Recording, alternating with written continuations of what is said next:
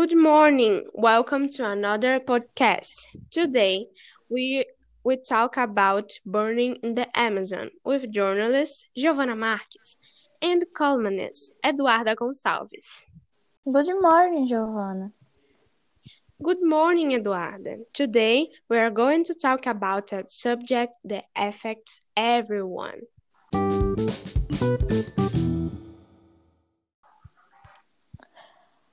What are the causes for the increasing burning in the Amazon? I think lack of local governance and land expansion, farm subsistence, and extensive livestock management are also identified as factors that lead to burning in the case of the second type of fire. And you, what are the consequences of deforestation in the Amazon?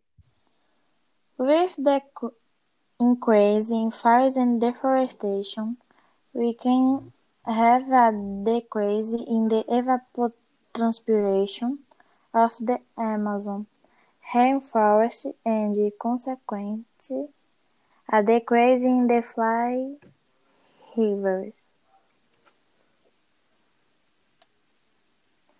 What is your opinion uh, regarding the president's attitudes?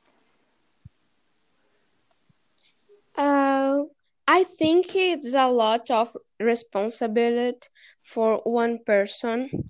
We treat the forest as an object that only serves to strengthen the economy and cares little for this real its real importance.